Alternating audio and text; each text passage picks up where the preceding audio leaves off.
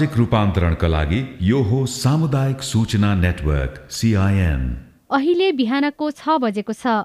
सामुदायिक सूचना नेटवर्क सिआइएनबाट अब प्रसारण हुँदैछ साझा खबर।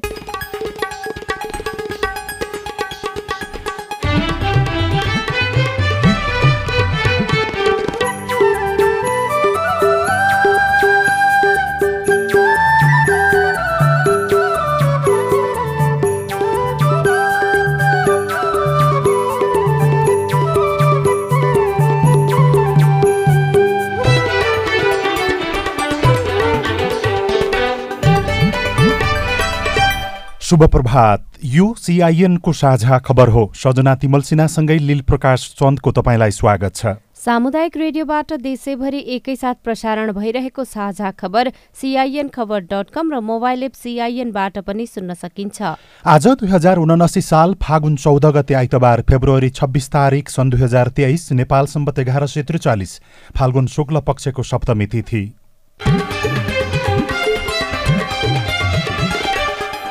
साझा खबरमा प्रमुख खबरका शीर्षकहरू। राष्ट्रपतिको उम्मेद्वार बन्न आकांक्षी पाँच प्रतिस्पर्धा भने पूर्व सभामुख पौडेल र नेमुवाङ बीच हुने सङ्घको नयाँ राजनीतिक समीकरणले गण्डकी सरकार अल्पमतमा। सङ्घ र प्रदेश सरकारबाट बाहिरिने राप्रपाको निर्णय सम्पत्ति शुद्धिकरणका सोह्र सय बयासी उजुरीमा छानबिन सुरु अस्सी हजार लिटर डिजेलमा मट्टीतेल मिसावट। रासायनिक मलमा अडतिस अर्ब अनुदान श्रमिकका समस्या समाधान गर्न टास्क फोर्स गठन गरिँदै शैक्षिक प्रमाणपत्र धितो राखेर कर्जा लिनेको सङ्ख्या थोरै। नाइजेरियामा नयाँ राष्ट्रपतिका लागि भएको मतदानको मतगणना सुरु। श्रीलङ्कामा स्थानीय तहको निर्वाचन अनिश्चितकालका लागि स्थगित। सन् दुई हजार तेत्तिससम्म उनाचालिस प्रतिशत घरायसी काम रोबोटले सम्हाल्ने। र army club Bhadrapur Jhapa gold कपको फाइनलमा आयोजक धरान बुढा सुब्बा गोल्ड कपको उद्घाटन खेलबाट बाहिरियो।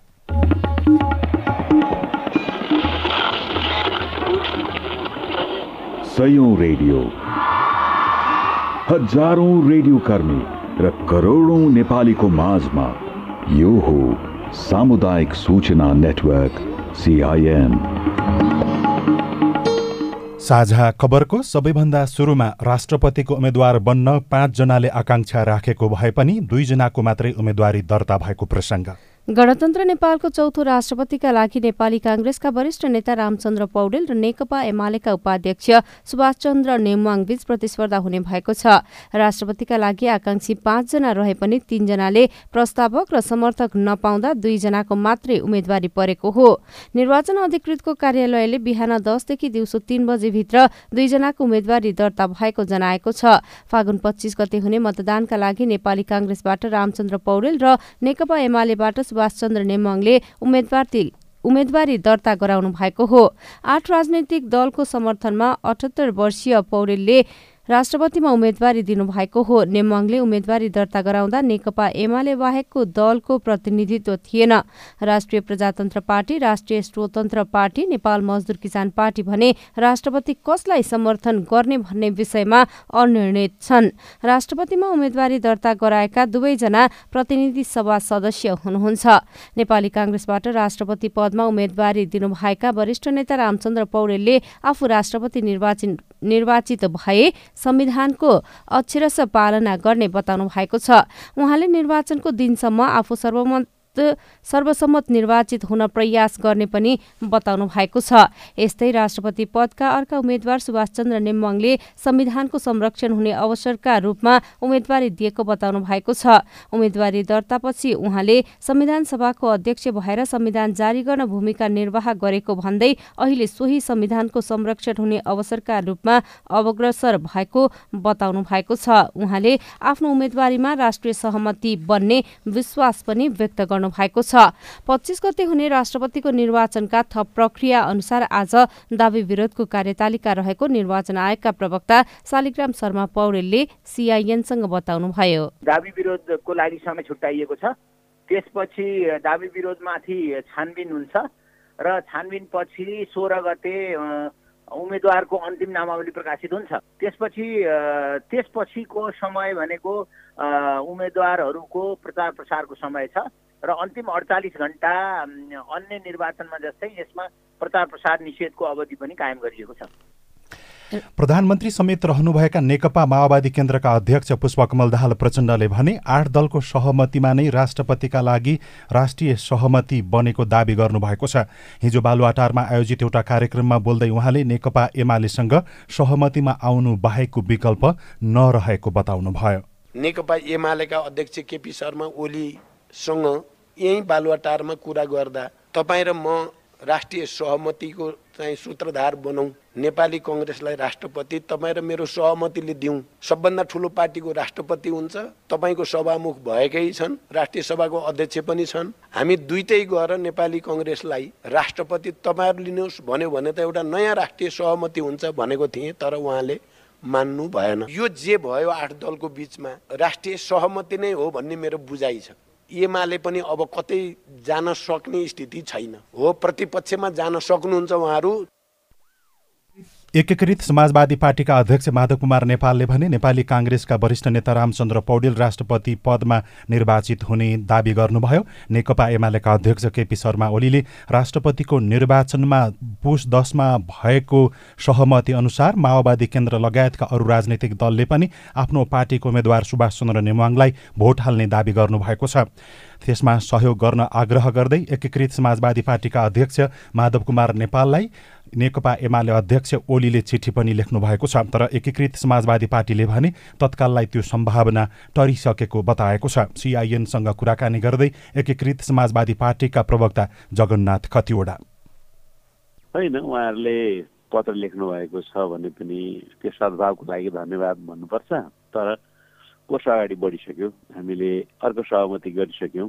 त्यसकारण त्यो राजनीतिक इमान्दारिता र समयको आवश्यकतालाई हेरी हामी उहाँहरूलाई समर्थन गर्न सक्दैनौँ। तथापि यसबारेमा छलफल हुन्छ पार्टीमा। तथापि के कुरा हो? त्यस पछाडिको किसिमका अन्तर्यमा के के छन्? के भन्न खोजिएको भन्ने छलफल त हुनसक्छ हिजो बसेको पार्टीको सचिवालय बैठकले राष्ट्रपतिको निर्वाचन हुने दिन फागुन पच्चिस गतेसम्म सरकारबाट नबाहिरिने र सरकारलाई दिएको समर्थन पनि कायमै राख्ने निर्णय गरेको प्रचार विभाग प्रमुख पृथ्वी सुब्बा गुरुङले जानकारी दिनुभयो। तर पछिल्लो समयमा नयाँ नयाँ गठबन्धन बन्ने र भत्किने क्रमले राजनीतिमाथिको विश्वास नै घट्दै जाने विज्ञहरूले विश्लेषण गर्न थालेका छन्। सिआइएनसँग कुराकानी गर्नुहुँदै विश्लेषक डाक्टर जनार्दन आचार्यले भन्नुभयो अगाडि आएको स्वार्थदेखि बाहेक न तिनलाई देशसित मतलब छ न तिनलाई पोलिटिकल आफ्नो पार्टीसित पनि मतलब छ हेर्नुहोस्। होइन भनेदेखि प्रचण्डजीले पहिले नेपाली काङ्ग्रेसलाई सपोर्ट गरे एमालेसित मिलेर एकीकृत कम्युनिस्ट पार्टी बनाए फेरि गएर गठबन्धनबाट चुनाव लडे प्रधानमन्त्री पाएनन् फेरि यतातिर आएर हेर्नुहोस्। अब यो पुस दस गते भएको सहमति फेरि अहिले बिर्से। हाम्रा नेताहरूभित्र रहेको सर्ट साइटनेस क्या यसले भोलि असर के पार्छ? यसले कहाँ कहाँ असर पारे? हेर्नुहोस् न अब तपाईँ कोही कर्मचारी अब रिस्पोन्सिबल हुँदैन। न मन्त्रालयको सचिवहरू हुन्छ। किनभनेदेखि आज उसको तपाईँको प्रेस्टिज भएपछि न तपाईँलाई उसले पनि सम्मान गर्ने हो। देशले नै सम्मान गर्न सक्ने मान्छेहरू। त्यस्तो खालको मान्छेहरूलाई उनीहरूले मिलेर ल्याएको भए त्यसको गरिमा बढ्थ्यो त्यो पदको सभामुख यतातिरको छ राष्ट्रपति उतातिरको छ प्रधानमन्त्री अर्कोतिरको छ। यिनी तिनटैलाई सञ्चालन गर्ने शक्तिहरू तिनतिर भइसकेपछि त्यसको असर कहाँ पर्छ त भन्दाखेरि हाम्रो नेसनल इकोनोमीमा पर्छ हाम्रो पोलिटिकल थिङ्किङमा पर्ने भयो फरेन पोलिसीमा पर्ने भयो। भनेपछि हामी कहीँ कहाँ रहन्नौँ क्या? के रहने भयो त भन्नु चाहिँ सिर्फ एउटा देशको नाम रहने हो सरकारमा को आयो त्यो मात्रै रहन्छ मेरो विचारमा। नेकपा एमाले तत्काल राष्ट्रपतिको निर्वाचन नसकिँदासम्म सरकारलाई दिएको समर्थन फिर्ता नलिने भनेर भनेको छ। यो के खेल हुँदैछ नि यहाँ भित्रभित्र नै यो त यस्तो होला। एमालेको आफ्नो आकलन मेरो विचारमा के हो त भन्दाखेरि वामपन्थी आस्था बोकिसकेका मान्छेहरूले भोलि त्यो आस्था क्रस गरेर काङ्ग्रेसमा जान अप्ठ्यारो माने भनेदेखि मतदान हामीलाई गर्छन् भनेर उसको यो च्याखे खेल हो। राष्ट्रपति निर्वाचनका लागि राजनीतिक समीकरण फेरिएसँगै राप्रपा सरकारबाट बाहिरिएको छ। राप्रपाले सरकारलाई दिएको समर्थन फिर्ता गरेको छ। राप्रपाको केन्द्रीय कार्य सम्पादन समिति बैठक र संसदीय दलको संयुक्त बैठकले हिजो पार्टीका सबै मन्त्रीलाई फिर्ता बोलाउने निर्णय गरेपछि मन्त्रीहरूले राजीनामा पनि दिन थालेका छन्। यसले केन्द्रको नयाँ समीकरणले सुदूरपश्चिमका मुख्यमन्त्रीलाई राहत मिलेको छ भने गण्डकी सरकार अल्पमतमा परेको छ। राष्ट्रपति निर्वाचनले केन्द्रमा नयाँ समीकरण बनेसँगै त्यसको प्रत्यक्ष असर गण्डकी प्रदेश सरकारलाई परेको हो। राष्ट्रिय प्रजातन्त्र पार्टीले प्रधानमन्त्री प्रचण्डलाई दिएको समर्थन फिर्ता गरेसँगै त्यसको असर गण्डकी प्रदेशमा देखिएको हो।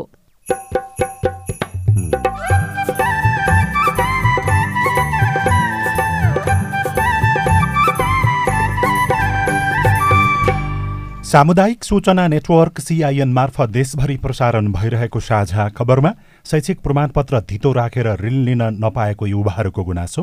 प्रक्रिया जटिल भएको अनि नपाइने यो त नाम मात्रको कार्यक्रम हो कि? शैक्षिक प्रमाणपत्रहरूलाई चाहिँ विश्वास नगरेर पहिले नै केयर कार्ड गर्ने किसिमको देखिन्छ। सम्पत्ति शुद्धिकरणका सोह्र सय बयासी उजुरीमा छानबिन सुरु। अस्सी हजार लिटर डिजेलमा मट्टीतेल मिसावट लगायतका खबर बाँकी नै छन्। सिआइएनको साझा खबर सुन्दै गर्नुहोला।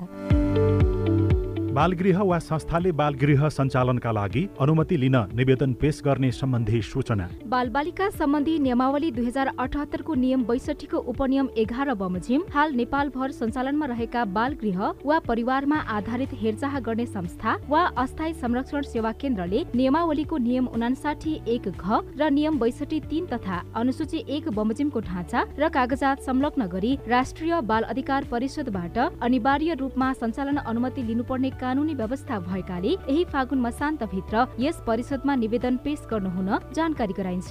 यस सम्बन्धी थप जानकारी परिषद कार्यालयमा सम्पर्क गरी वा परिषदको website डब्लुडब्लुडब्लु dot NCRC dot g o v dot एनपीबाट लिन सकिनेछ। राष्ट्रिय बाल अधिकार परिषद श्रीमहल पुलचोक ललितपुर। जलवायु परिवर्तनले मानव जीवन र प्राकृतिक प्रणालीमा विश्वव्यापी प्रभाव पारेको छ। आगामी दिनमा यो क्रम अझै बढ्दै जाने अनुमान गरिएको छ। तिम्रो किताबमा पनि जलवायु सम्बन्धी पाठ रहेछ नि होइन छ नि। आज म पारिस्थितिकीय प्रणालीमा आधारित अनुकूलन अर्थात् इबिए भन्ने पाठ पढ्दैछु। के रहेछ यो इबिए भनेको? जोखिममा परेका समुदायलाई प्राकृतिक स्रोत र साधनको उपयोग गरी जलवायु परिवर्तनको जोखिम न्यूनीकरण र सामना गरी जिउने र विकसित हुन सहयोग पुर्याउने कामलाई इबिए भनिन्छ। जलवायु परिवर्तनको प्रतिकूल प्रभावको सामना गर्न समुदायहरूलाई सहयोग पुर्याउने यो एउटा नयाँ अवधारणा हो। ए अनि खेती किसानी गर्ने हामीलाई पनि यसले फाइदा गर्छ? गर्छ नि। सुक्खा ठाउँहरूमा कम चिस्यानमा हुर्कन सक्ने बाली नाली लगाउने अनि पहिरो जान सक्ने क्षेत्रमा पहिरो रोकथाम गर्न सक्ने र उपयोगी बिरुवा लगाउने। समुदायलाई फाइदा हुने गरी वन चरण पानीको मुहान जस्ता स्रोतको दिगो व्यवस्थापन गर्ने कामहरू इबिए अन्तर्गत पर्छन् क्या। उसो भए त यो गजबको कुरा रहेछ त। हो त नि धेरै गजबको कुरा हो। इबिए को योजना तयारी र कार्यान्वयन गर्दा स्थानीय जनताको सहभागिता आदिवासी जनजाति संरक्षण कर्मी प्राकृतिक स्रोत व्यवस्थापन अभियन्ता र निजी क्षेत्रका सरोकारवालाहरू बीच पनि समन्वय चाहिन्छ। जलवायु परिवर्तनले निम्ताएका चुनौतीको सामना गर्न जमिन जल र प्राकृतिक स्रोत व्यवस्थापनका सर्वोत्तम उपलब्धिहरूको कार्यान्वयन गरौँ। पारिस्थितिकीय प्रणालीमा आधारित अनुकूलन आयोजना जलवायु परिवर्तन तथा व्यवस्थापन महाशाखा वन तथा वातावरण मन्त्रालय र सिआइएन सामाजिक रूपान्तरणका लागि यो हो सामुदायिक सूचना नेटवर्क सिआइएन तपाईँ अहिले देशभरिका सामुदायिक radio CIN Khabar dot com र मोबाइल एप सिआइएनबाट एकैसाथ साझा खबर सुन्दै हुनुहुन्छ। मोबाइल एप नेपाली पात्रोबाट पनि सिआइएनको साझा खबर सुनिरहनु भएको छ। अब बाँकी खबर। आज देशका केही ठाउँमा पानी पर्ने सम्भावना देखिएको मौसमविदले बताएका छन्। पश्चिमी वायुको प्रभावले आज दिउँसो प्रदेश एक बागमती र गण्डकी प्रदेशका केही पहाडी क्षेत्रमा र बाँकी प्रदेशका एक दुई स्थानमा मेघगर्जन र चट्याङसहित हल्का पानी पर्ने सम्भावना रहेको मौसम पूर्वानुमान महाशाखाका वरिष्ठ मौसमविद वरूण पौडेलले सिआइएनलाई जानकारी दिनुभयो। दिउँसो बेलुकातिर विशेष गरेर पहाडी भूभागमा चाहिँ आंशिकी सामान्य बदली रहेर विशेष गरी प्रदेश नम्बर एक गण्डकी प्रदेश बागमती प्रदेशका उच्च पहाडी तथा हिमाली भूभागका एक दुई स्थानमा पहाडी भूभागका थोरै स्थानहरूमा चाहिँ हल्का वर्षा हिमपातको सम्भावना रहन्छ। त्यस्तो ठुलो खालको भारी वर्षा हुने कुनै त्यस्तो प्रणाली चाहिँ छैन। बिस्तारै चाहिँ गर्मी सिजन सुरु भएसँगै चाहिँ बेलुका पखालिलो हावाहरू चल्ने बादलहरू लाग्ने देखिएको छ।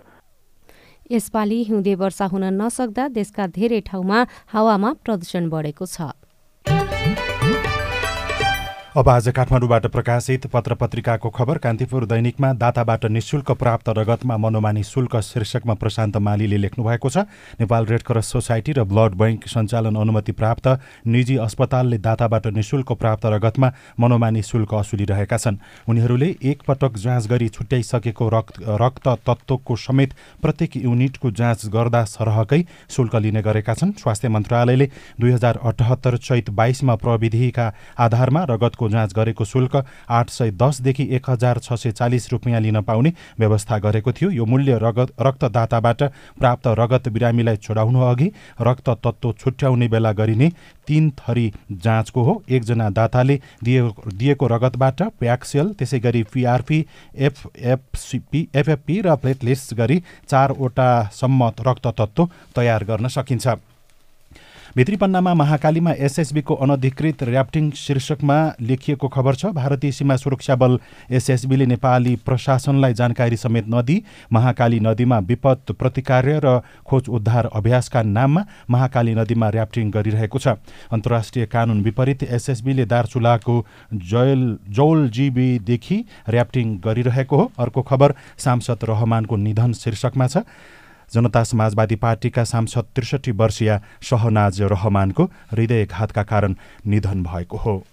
सम्पत्ति शुद्धिकरणका सोह्र सय बयासी उजुरीमाथि छानबिन शीर्षकमा राजधानी दैनिकले खबर लेखेको छ नेपालमा विभिन्न आपराधिक क्रियाकलाप तथा अवैध धन्दा सञ्चालन गरी सम्पत्ति आर्जन गर्ने क्रममा कमी आएको छैन। विभिन्न निकाय तथा व्यक्तिले त्यसरी आर्जन गरेको कालो धनलाई सेतो बनाउने प्रयास विरुद्ध सम्पत्ति शुद्धिकरण अनुसन्धान विभागले अनुसन्धानलाई तीव्रता दिएको छ। अहिलेसम्म एक खर्ब चालिस अर्ब बिगो तोकिएको छ। सम्पत्ति शुद्धिकरणका सोह्र सय बयासी उजुरीमाथि छानबिन थालिएको खबर छापेको छ। यस्तै नयाँ पत्रिका दैनिकमा अस्सी हजार लिटर डिजेलमा मट्टीतेल मिसावट आइओसीको सिलगढी डिपोबाट चारवटा ट्याङ्करमा ल्याइएको डिजेलमा मिसावट भेटिएपछि छानबिन गर्न थालिएको छ। कर्मचारी र पेट्रोल पम्प व्यवसायीको मिलेमतोमा मिसावटको आशंका गरिएको छ। यस्तै बुढीगंगाका बालबालिकामा दादुरा संक्रमण भएको खबर पनि छापिएको छ। बुढीगंगा नगरपालिका एट आमकोटको माल्लाती बस्तीका बालबालिकामा दादुराको लक्षण देखिएको छ। गत बुधबार स्थानीय धुराल सैन आधारभूत स्वास्थ्य केन्द्रमा उपचारका लागि पुगेका सात बालबालिकामा दादुराका जस्ता लक्षणहरू देखिएको अनमी बिन्दु विष्टले जानकारी दिनुभएको छ। डडेलुको जोखिम दस गुणा बढी शीर्षकमा नितु घलेले अन्नपूर्ण पोस्टमा लेख्नु भएको छ। सन् दुई हजार एक्काइसको डडेलोलाई सन् दुई हजार बाइस पछिको डरलाग्दो मानिएको एक अध्ययनले देखाएको छ। पछिल्लो समयमा राष्ट्रिय विपद जोखिम न्यूनीकरण तथा व्यवस्थापन प्राधिकरणको तथ्याङ्क अनुसार सन् दुई हजार एक्काइसमा छ हजार पाँच सय सैँतिसवटा डढेलोका घटना भएका थिए। त्यति बेला काठमाडौँको एयर क्वालिटी इन्डेक्स एक युआईको मात्रा छ सय बत्तिस थियो भने जुन विश्व स्वास्थ्य सङ्गठन डब्लुएचओले तोकेभन्दा बिसौँ गुणा बढी हो। शून्यदेखि पचास एफ एक यु आईलाई स्वास्थ्य मान्ने गरिएको छ। शून्यदेखि पचास एक्युआईलाई स्वस्थ र एक सय पचास माथिलाई अस्वस्थ मान्ने गरिएको छ। नागरिक दैनिकको भित्री पन्नामा चितवनमा तीन हजार बङ्गुर मरे शीर्षकमा बसन्त ढुङ्गानालाई लेख्नु भएको छ। क्लासिकल स्वाइन फिभरले सताइरहेकै अवस्थामा अफ्रिकन स्वाइन फिभर देखा परेपछि यसले बङ्गुर पालन किसानमा बङ्गुर पालक किसानमा थप त्रास फैलाएको छ। नयाँ पत्रिका दैनिकको भित्री पृष्ठमा रासायनिक मलमा अडतिस दशमलव सात तीन अर्ब अनुदान चार लाख उन्नाइस हजार मेट्रिक टन मल आयातको सुनिश्चितता माग अनुसार आपूर्ति नहुँदा सधैँ अभाव भनेर खबर लेखिएको छ। यस्तै श्रमिकका समस्या समाधान गर्न टास्क फोर्स शीर्षकमा अर्को खबर छ। श्रम रोजगार तथा सामाजिक सुरक्षा मन्त्रालयले श्रमिकको गुनासो सुनवाई गर्नको लागि टास्क फोर्स गठन गर्ने भएको खबर छापिएको छ। साझा खबरमा अब हेलो सिआइएन उषा तामाङबाट। सुदान श्रेष्ठ हो। म अहिले बिए इकोनोमिक्स पास गरी पछिरहेको विद्यार्थी हुँ। मैले शिक्षक सेवा आयोग अन्तर्गतको लाइसेन्स माविको दिन पाउँछु कि पाउँदैन? जानकारी गराउँदै हुनुहुन्छ शिक्षक सेवा आयोगका सूचना अधिकारी सुदर्शन मरहट्टा। विज्ञापनमै उल्लेख गर्ने गरेका छौँ अङ्ग्रेजी गणित विज्ञान कार्यालय सञ्चालन लेखा कम्प्युटर विज्ञान सिभिल इन्जिनियरिङ इलेक्ट्रिकल इन्जिनियरिङ पशुपालन र बाली विज्ञान यी विषयका व्यक्तिहरू जो चाहिँ स्नातक तह गर्नु भएको छ या स्नातकोत्तर गर्नु भएको छ त्यस्ता व्यक्तिहरूको लागि तालिम आवश्यकता छैन। तपाईँको इकोनोमिक जो चाहिँ भनिरहनु भएको छ त्यो विषयको लागि चाहिँ अध्यापन अनुमति पत्रको परीक्षामा पनि शिक्षा विषयमा कम्तीमा दस मिनट तालिम चाहिँ अनिवार्य गरेको छ। तसर्थ तपाईँ चाहिँ वान इयर बिएड गर्न र त्यसपछि शिक्षक सेवा आयोगबाट खुल्ने अध्यापन अनुमति पत्रको परीक्षामा सहभागी हुन सक्नुहुन्छ। दैलेखदेखि देवेन्द्र चन्द बोलेको जिल्ला प्रशासन कार्यालयमा राष्ट्रिय परिचय पत्र भरेको ठ्याक्कै दुई वर्ष भयो। कार्ड चाहिँ हामीलाई एक वर्षपछि पाउनुहुन्छ भनेर भन्नुभयो तर अहिलेसम्म दुई वर्ष बित्दा पनि कार्ड पाइएन यसको जानकारी पाउँ हजुर। राष्ट्रिय परिचय पत्र तथा पञ्जीकरण विभागका अनुसार राष्ट्रिय परिचय पत्र छपाईकै क्रममा रहेकाले कार्ड वितरण हुन नसकेको हो। कार्ड प्राप्त नहुँदासम्म तपाईँलाई प्राप्त भएको परिचय पत्र नम्बर प्रयोग गर्न सक्नुहुन्छ। कोशी गाउँपालिका दुईबाट श्याम कुमार कोशी दुईको जनताले कुनै अहिलेसम्म विकासको अनुभूति गर्न पाएकै छैन। उहाँले वचन दिनुभएको थियो कि अब यो बाढी सिजनमा जुन यहाँ पीडित हुन्छन् जनताहरू त्यसको लागि काम गर्ने। कोशी दुईका रोडहरू पनि बनेका छैन। बाढीको समस्याले यहाँको जनताले उस्तै पिरोल छन्। के के योजना छ? तपाईँको प्रश्न हामीले सुनसरीको कोशी गाउँपालिकाका अध्यक्ष अयुब अन्सारीलाई सुनाएका छौँ। दुई नम्बर वार्डमा भौतिक पूर्वाधार बाटोघाटोमा कुनै बाँकी छैन। जुन बाटोमा खोला बगेको थियो मैले त्यो बाटो पनि निर्माण गरेँ। अरू बाटोघाटोहरू दुई नम्बरमा कुनै बाँकी छैन। सोह्र किलोमिटर कालोपत्र गर्ने क्रममा छ। बाढी भनेको अब दैविक प्रकोप आउने कुरा हो। त्यो बाढी सधैँ आउँछ जान्छ। त्यो बाढीले दुई नम्बरलाई त्यति खासै प्रभाव पार्दैन। त्यो मैले पनि देखाएको छु त्यहाँ। त्यस कारणले यसको लागि ढुक्क बस्नु तपाईँ जुनसुकै बेला हाम्रो टेलिफोन नम्बर शून्य एक बाहन्न साठी छ चार छमा फोन गरेर आफ्नो विचार प्रश्न गुनासो तथा प्रतिक्रिया रेकर्ड गर्न सक्नुहुन्छ।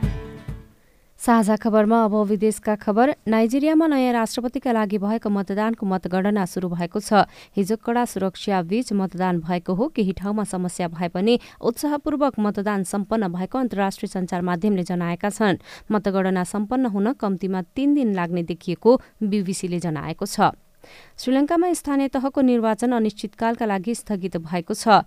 त्यहाँको निर्वाचन आयोगले गत वर्ष संसदबाट निर्वाचित राष्ट्रपतिले मतदानका लागि आर्थिक सहयोग गर्न अस्वीकार गरेपछि स्थानीय तहको निर्वाचन अनिश्चितकालका लागि स्थगित भएको हो।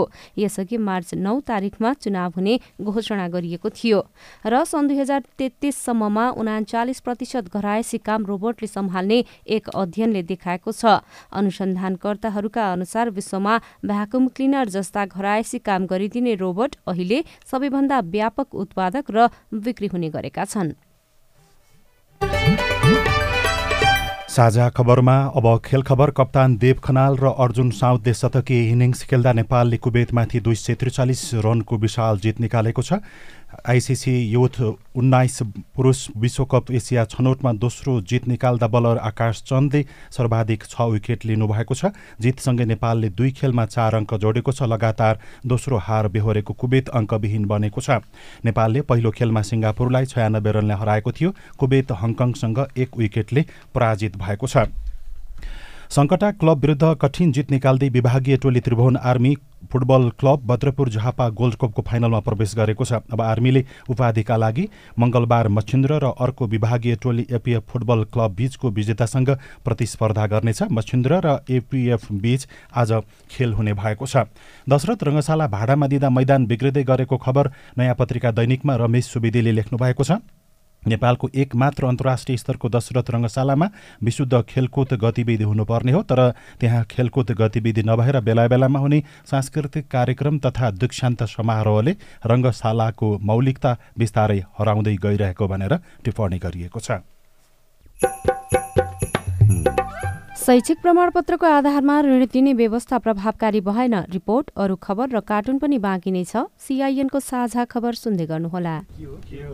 खै यतै कतै कतै भन्थे यता हो कि तल हो कि माथि हो कता सर नमस्ते। हजुर नमस्ते नमस्ते। हजुर के सेवा गरौँ? सूचनाको हक भन्ने बारेमा रेडियो टिममा खुब सुनिन्थ्यो। हजुर। आज पालिकामा छिरेको बेलामा सोधिहालेँ हजुरलाई। तपाईँले सही व्यक्तिलाई सही प्रश्न सोध्नुभयो। म चाहिँ यो पालिकाको सूचना अधिकारी हुँ। सूचनाको हक भनेको संविधान कानूनमा उल्लेख भएको नागरिकको अधिकार हो हजुर। अनि यो अधिकार त पत्रकारले मागे पाए भन्ने मात्रै सुनिन्छ त। हामी जस्तो सामान्य मानिसले कसरी प्रयोग गर्ने? सूचना माग्ने पत्रकारले मात्रै होइन। कुनै पनि नेपाली नागरिकले सूचना प्राप्त गर्ने कारण उल्लेख गरी सम्बन्धित सूचना सूचना अधिकारी समक्ष निवेदन दिनुपर्छ। विधि र प्रक्रिया पूरा गरी निवेदन प्राप्त भयो भने सूचना अधिकारीले पन्ध्र दिनभित्रमा उपलब्ध गराउनु पर्ने सूचनाको हक सम्बन्धी ऐनमा भनिएको छ। पन्ध्र दिन पो कुर्नु पर्ने व्यक्तिको जीवनको सुरक्षासँग सम्बन्धित सूचना माग गरिएको हो भने नि हजुर चौबिस घन्टाभित्रै जानकारी दिनुपर्छ। अनि सरकारी वा सार्वजनिक निकायका अधिकारीले सूचना लुकाएमा पच्चिस हजारसम्म जरिवाना हुने व्यवस्था ऐनमा छ। त्यसका लागि चाहिँ राष्ट्रिय सूचना आयोगमा पुनरावेदन गर्नुपर्छ। अनि यो सूचना माग्दा पैसा पनि लाग्छ? लाग्दैन लाग्दैन। निवेदन उजुरी र पुनरावेदन गर्दा पैसा लाग्दैन। सम्बन्धित निकायले दिने सूचना दस पन्ना भन्दा बढीको भएमा चाहिँ प्रति पन्ना पाँच रुपियाँ तिर्नुपर्छ। ल कुरो बुझ्यो। अब भोलि नै म पनि सूचना माग्न आउँछु। हस् हस्। अस्ट्रेलिया सरकार र द एसिया फाउन्डेसनको साझेदारीमा सञ्चालित स्थानीय सरकार सबलीकरण कार्यक्रम र अकोराब नेपाल। सामाजिक रूपान्तरणका लागि यो हो सामुदायिक सूचना नेटवर्क सिआइएन साझा खबरमा अब प्रमाणपत्र धितो राखेर लिइने सहुलियत कर्जाको कुरा। शैक्षिक प्रमाणपत्रको सक्कल प्रति धितो राखेर सहुलियत कर्जा लिन सकिने व्यवस्था सुरु भएको साढे चार वर्षभन्दा धेरै भयो। सुरुमा सात लाख रुपियाँ कर्जा दिने व्यवस्था गरिए पनि गत आर्थिक वर्षदेखि बढाएर पच्चिस लाखसम्म दिने घोषणा भयो। तर सहुलियत कर्जाप्रति बेरोजगार युवाको आकर्षण बढ्न सकेको छैन।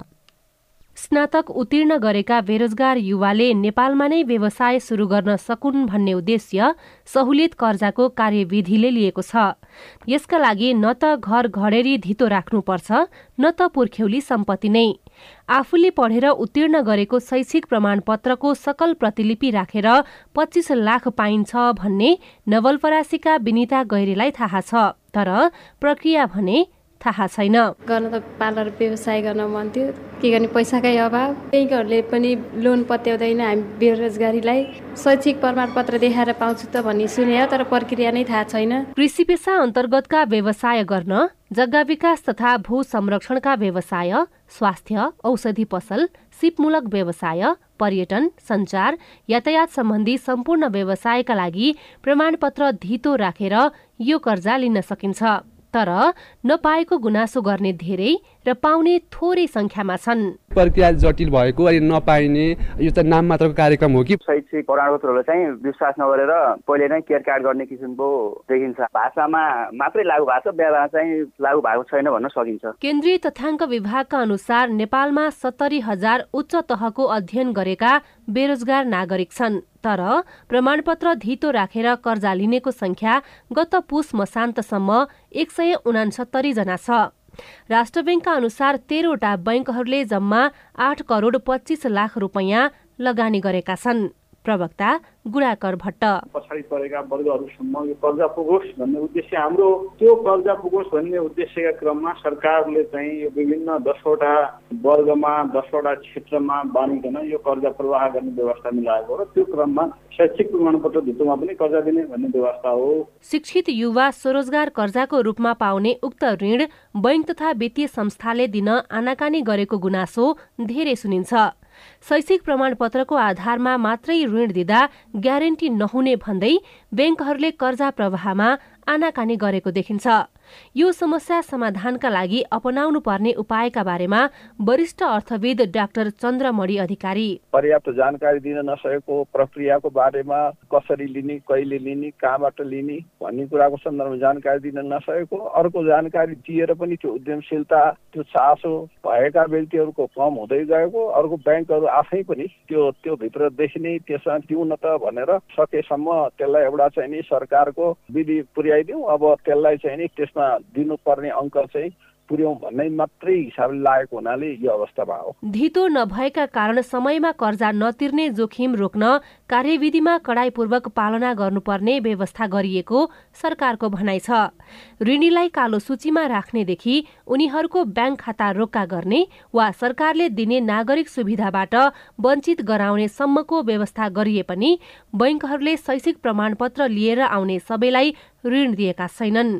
सुशीला श्रेष्ठ सिआइएन काठमाडौँ रिपोर्टसँगै हामी साझा खबरको अन्त्यमा आइपुगेका छौँ। सामुदायिक रेडियो प्रसारक सङ्घद्वारा सञ्चालित सिआइएनको बिहान छ बजेको साझा खबर सक्नु अघि मुख्य मुख्य खबर फेरि एकपटक। राष्ट्रपतिको उम्मेद्वार बन्न आकांक्षी पाँच प्रतिस्पर्धा भने पूर्व सभामुख पौडेल र नेमवाङबीच हुने।